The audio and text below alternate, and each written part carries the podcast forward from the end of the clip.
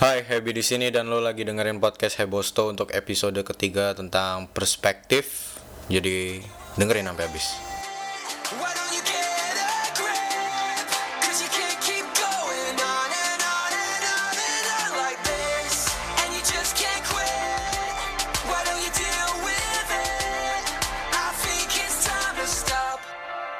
You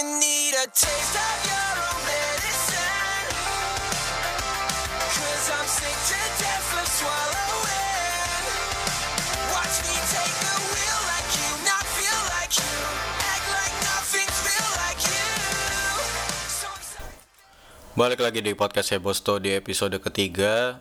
Buat lo yang belum kenal gue bisa lo follow dulu Hebosto di Instagram dan mampir ke website gue di hebosto.com. Di sana ada blog, podcast dan video YouTube juga yang biasa gue share.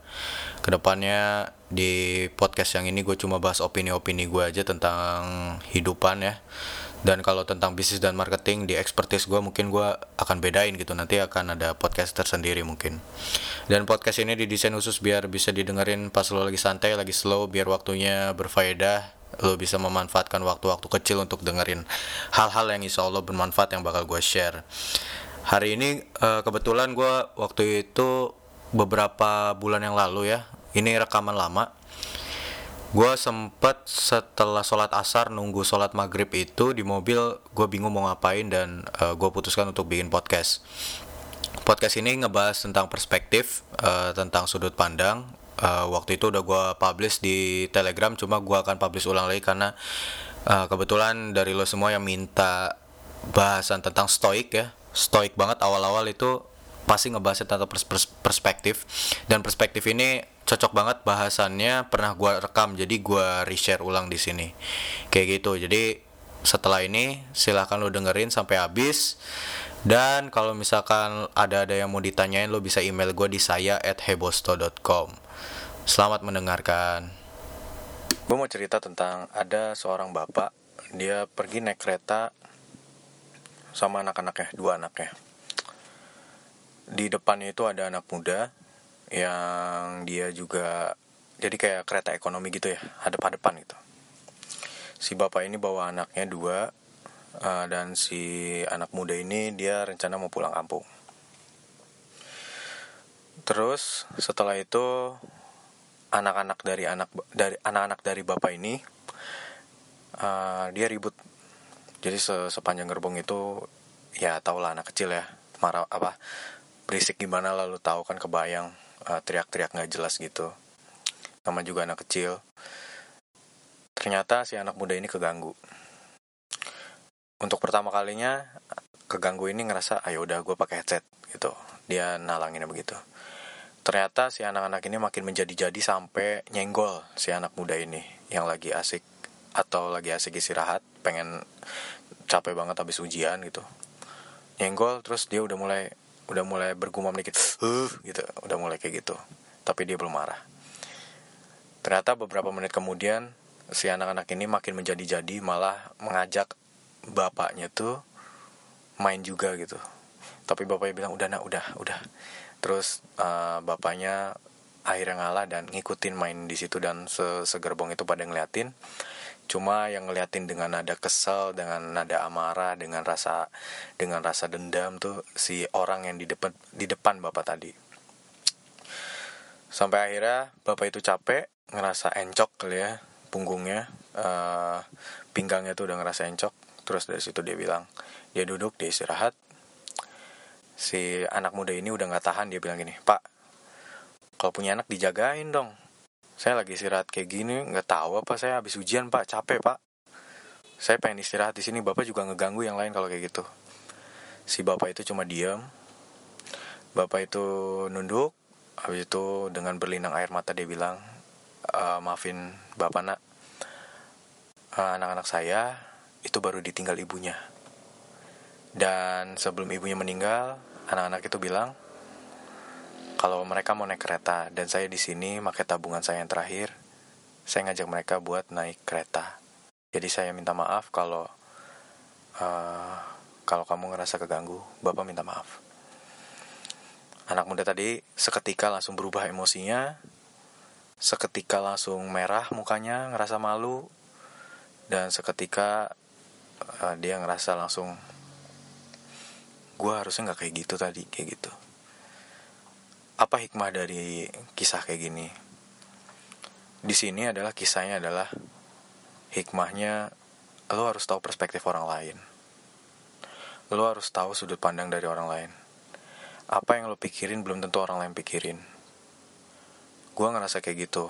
Waktu dulu uh, gue coba awal-awal pas di awal-awal pernikahan uh, gue sama El hmm, banyak banget salah paham awal-awal padahal baru beberapa bulan baru masuk setengah tahun.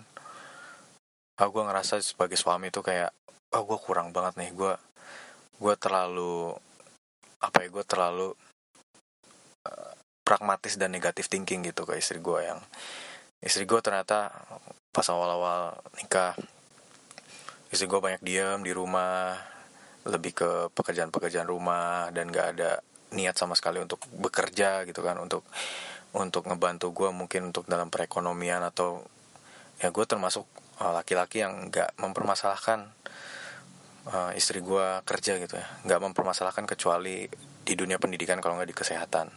Dan gue udah bilang itu ke istri gue dan dia bilang uh, enggak mas. Aku mau di sini aja.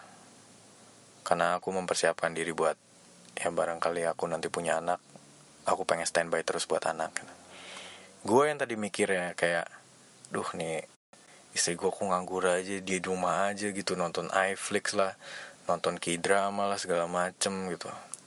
Ternyata di balik itu banyak yang gak gue tahu gitu. Kayak amalan-amalan dia yang gue bisa bilang mungkin ya dia lebih gitu dari gue terus ibadah-ibadahnya juga lebih. Terus dia udah ternyata saat gue pulang dari kantor gue pulang dari uh, bisnis gue gitu. Dan kita mau pergi biasanya kita suka pergi akhir minggu itu selalu ke Bandung kalau nggak ke Cirebon dia udah bilang mas ayo berangkat. Semua udah diberesin sama dia rapih tertata gitu. Nggak masuk akal kan perspektifnya gitu. Dengan gue berpikir dia yang negatif ternyata istri gue tuh mempersiapkan segala sesuatunya yang jauh lebih baik dari apa yang gak gue pikirin. Itulah perspektif itu dan itu juga terjadi berkali-kali dengan uh, tim gue terus dengan juga beberapa teman gue juga beberapa teman dekat yang negatif thinking kayak nih orang kok kayak nggak mau nyapa gue sih gitu. Kayaknya nih orang nggak mau kenal gue lagi apa gimana sih? Gitu tapi ternyata sebenarnya enggak. Mungkin fokus mereka telah berubah gitu dari yang tadinya mau main. Fokus mereka lebih beranjak ke uh, ah, gue harus ada hal yang harus gue hidupin gitu.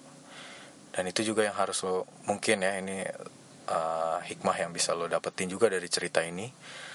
Jadi suatu saat kalau misalkan ada perselisihan atau uh, rasa negatif thinking atau bisikan-bisikan setan ya yuwas wisufi uh, bisikan-bisikan setan yang benar-benar bikin lo ngegiring lo jadi orang negatif thinking lo harus pikirin perspektif baru gitu. Lo harus berpikir dengan segala banyak kemungkinan uh, perluas opsi lo gitu perluas pikiran lo tentang kemungkinan-kemungkinan lain yang positif. Negatif thinking berarti nggak perlu dong bang. Ya menurut gue perlu tapi uh, itu minoritas kali ya. Itu minoritas bukan hal-hal yang harus didominasi. Karena pada akhirnya kita semua itu bersahabat kita itu ada rahmat ya ada rahmat yang Allah kasih ke kita dan mengubah rahmat itu menjadi berkah itu kan PR kita. Apa yang datang ke kita itu ya rahmat gitu tapi untuk mengubah itu menjadi berkah atau enggak ya urusan kita gitu. Itu tergantung kita. Makanya uh, segala sesuatu kayak uang rezeki terus kayak pikiran-pikiran yang yang datang ke kita itu rahmat. Tapi kalau misalkan kita pengen pengen bikin itu jadi nggak berkah ya ya udah kita pilih jalan yang negatif. Kita pilih yang negatif thinking. Tapi kalau itu mau berkah insya Allah mau mau bahagia mau lepas mau leluasa mau ikhlas gitu ya mungkin positive thinking eh gue tahu gue tahu. Ini ini agak agak berat agak susah kalau lu dalemin lagi gitu. Untuk dilakuin karena gue juga gue juga sama-sama belajar sama lu semua dengan segala kehilafan gue yang gue perbuat entah sama terutama istri gue terutama tim gue gitu. Pada akhirnya semuanya adalah salah sendiri gitu. Semuanya balik lagi ke diri sendiri. Jadi perspektif lo ubah lu ngadepin segala sesuatu mungkin sulit tapi lu perspektif lu coba lu maknai ulang deh. Itu bukan sulit kali itu menantang gitu. Itu menantang dan kalau misalkan lu ngelihat hal-hal yang gak enak ya jangan mandang itu sebagai aduh gue banyak dosa nih anjir gue banyak dosa nih. Parah gue banyak dosa banget gimana gue minta bukan gitu tapi saat memandang itu kita mungkin berpikir oke ini mendewasakan. Ya, kan beda maknanya kan makanya diubah perspektif insya Allah hidup lu berubah insya Allah. Makasih yang udah dengerin. Eh, thanks banget. Lu bisa follow gue di Instagram @hebosto dan lu bisa mampir ke website gue hebosto.com untuk dapetin konten-konten harian. Gue sebenarnya lebih aktif di Instagram jadi lebih baik lu follow hebosto nanti keponya belakangan. Kayak gitu aja. Terima kasih. Berkah selalu. We spent the late nights making things right between us.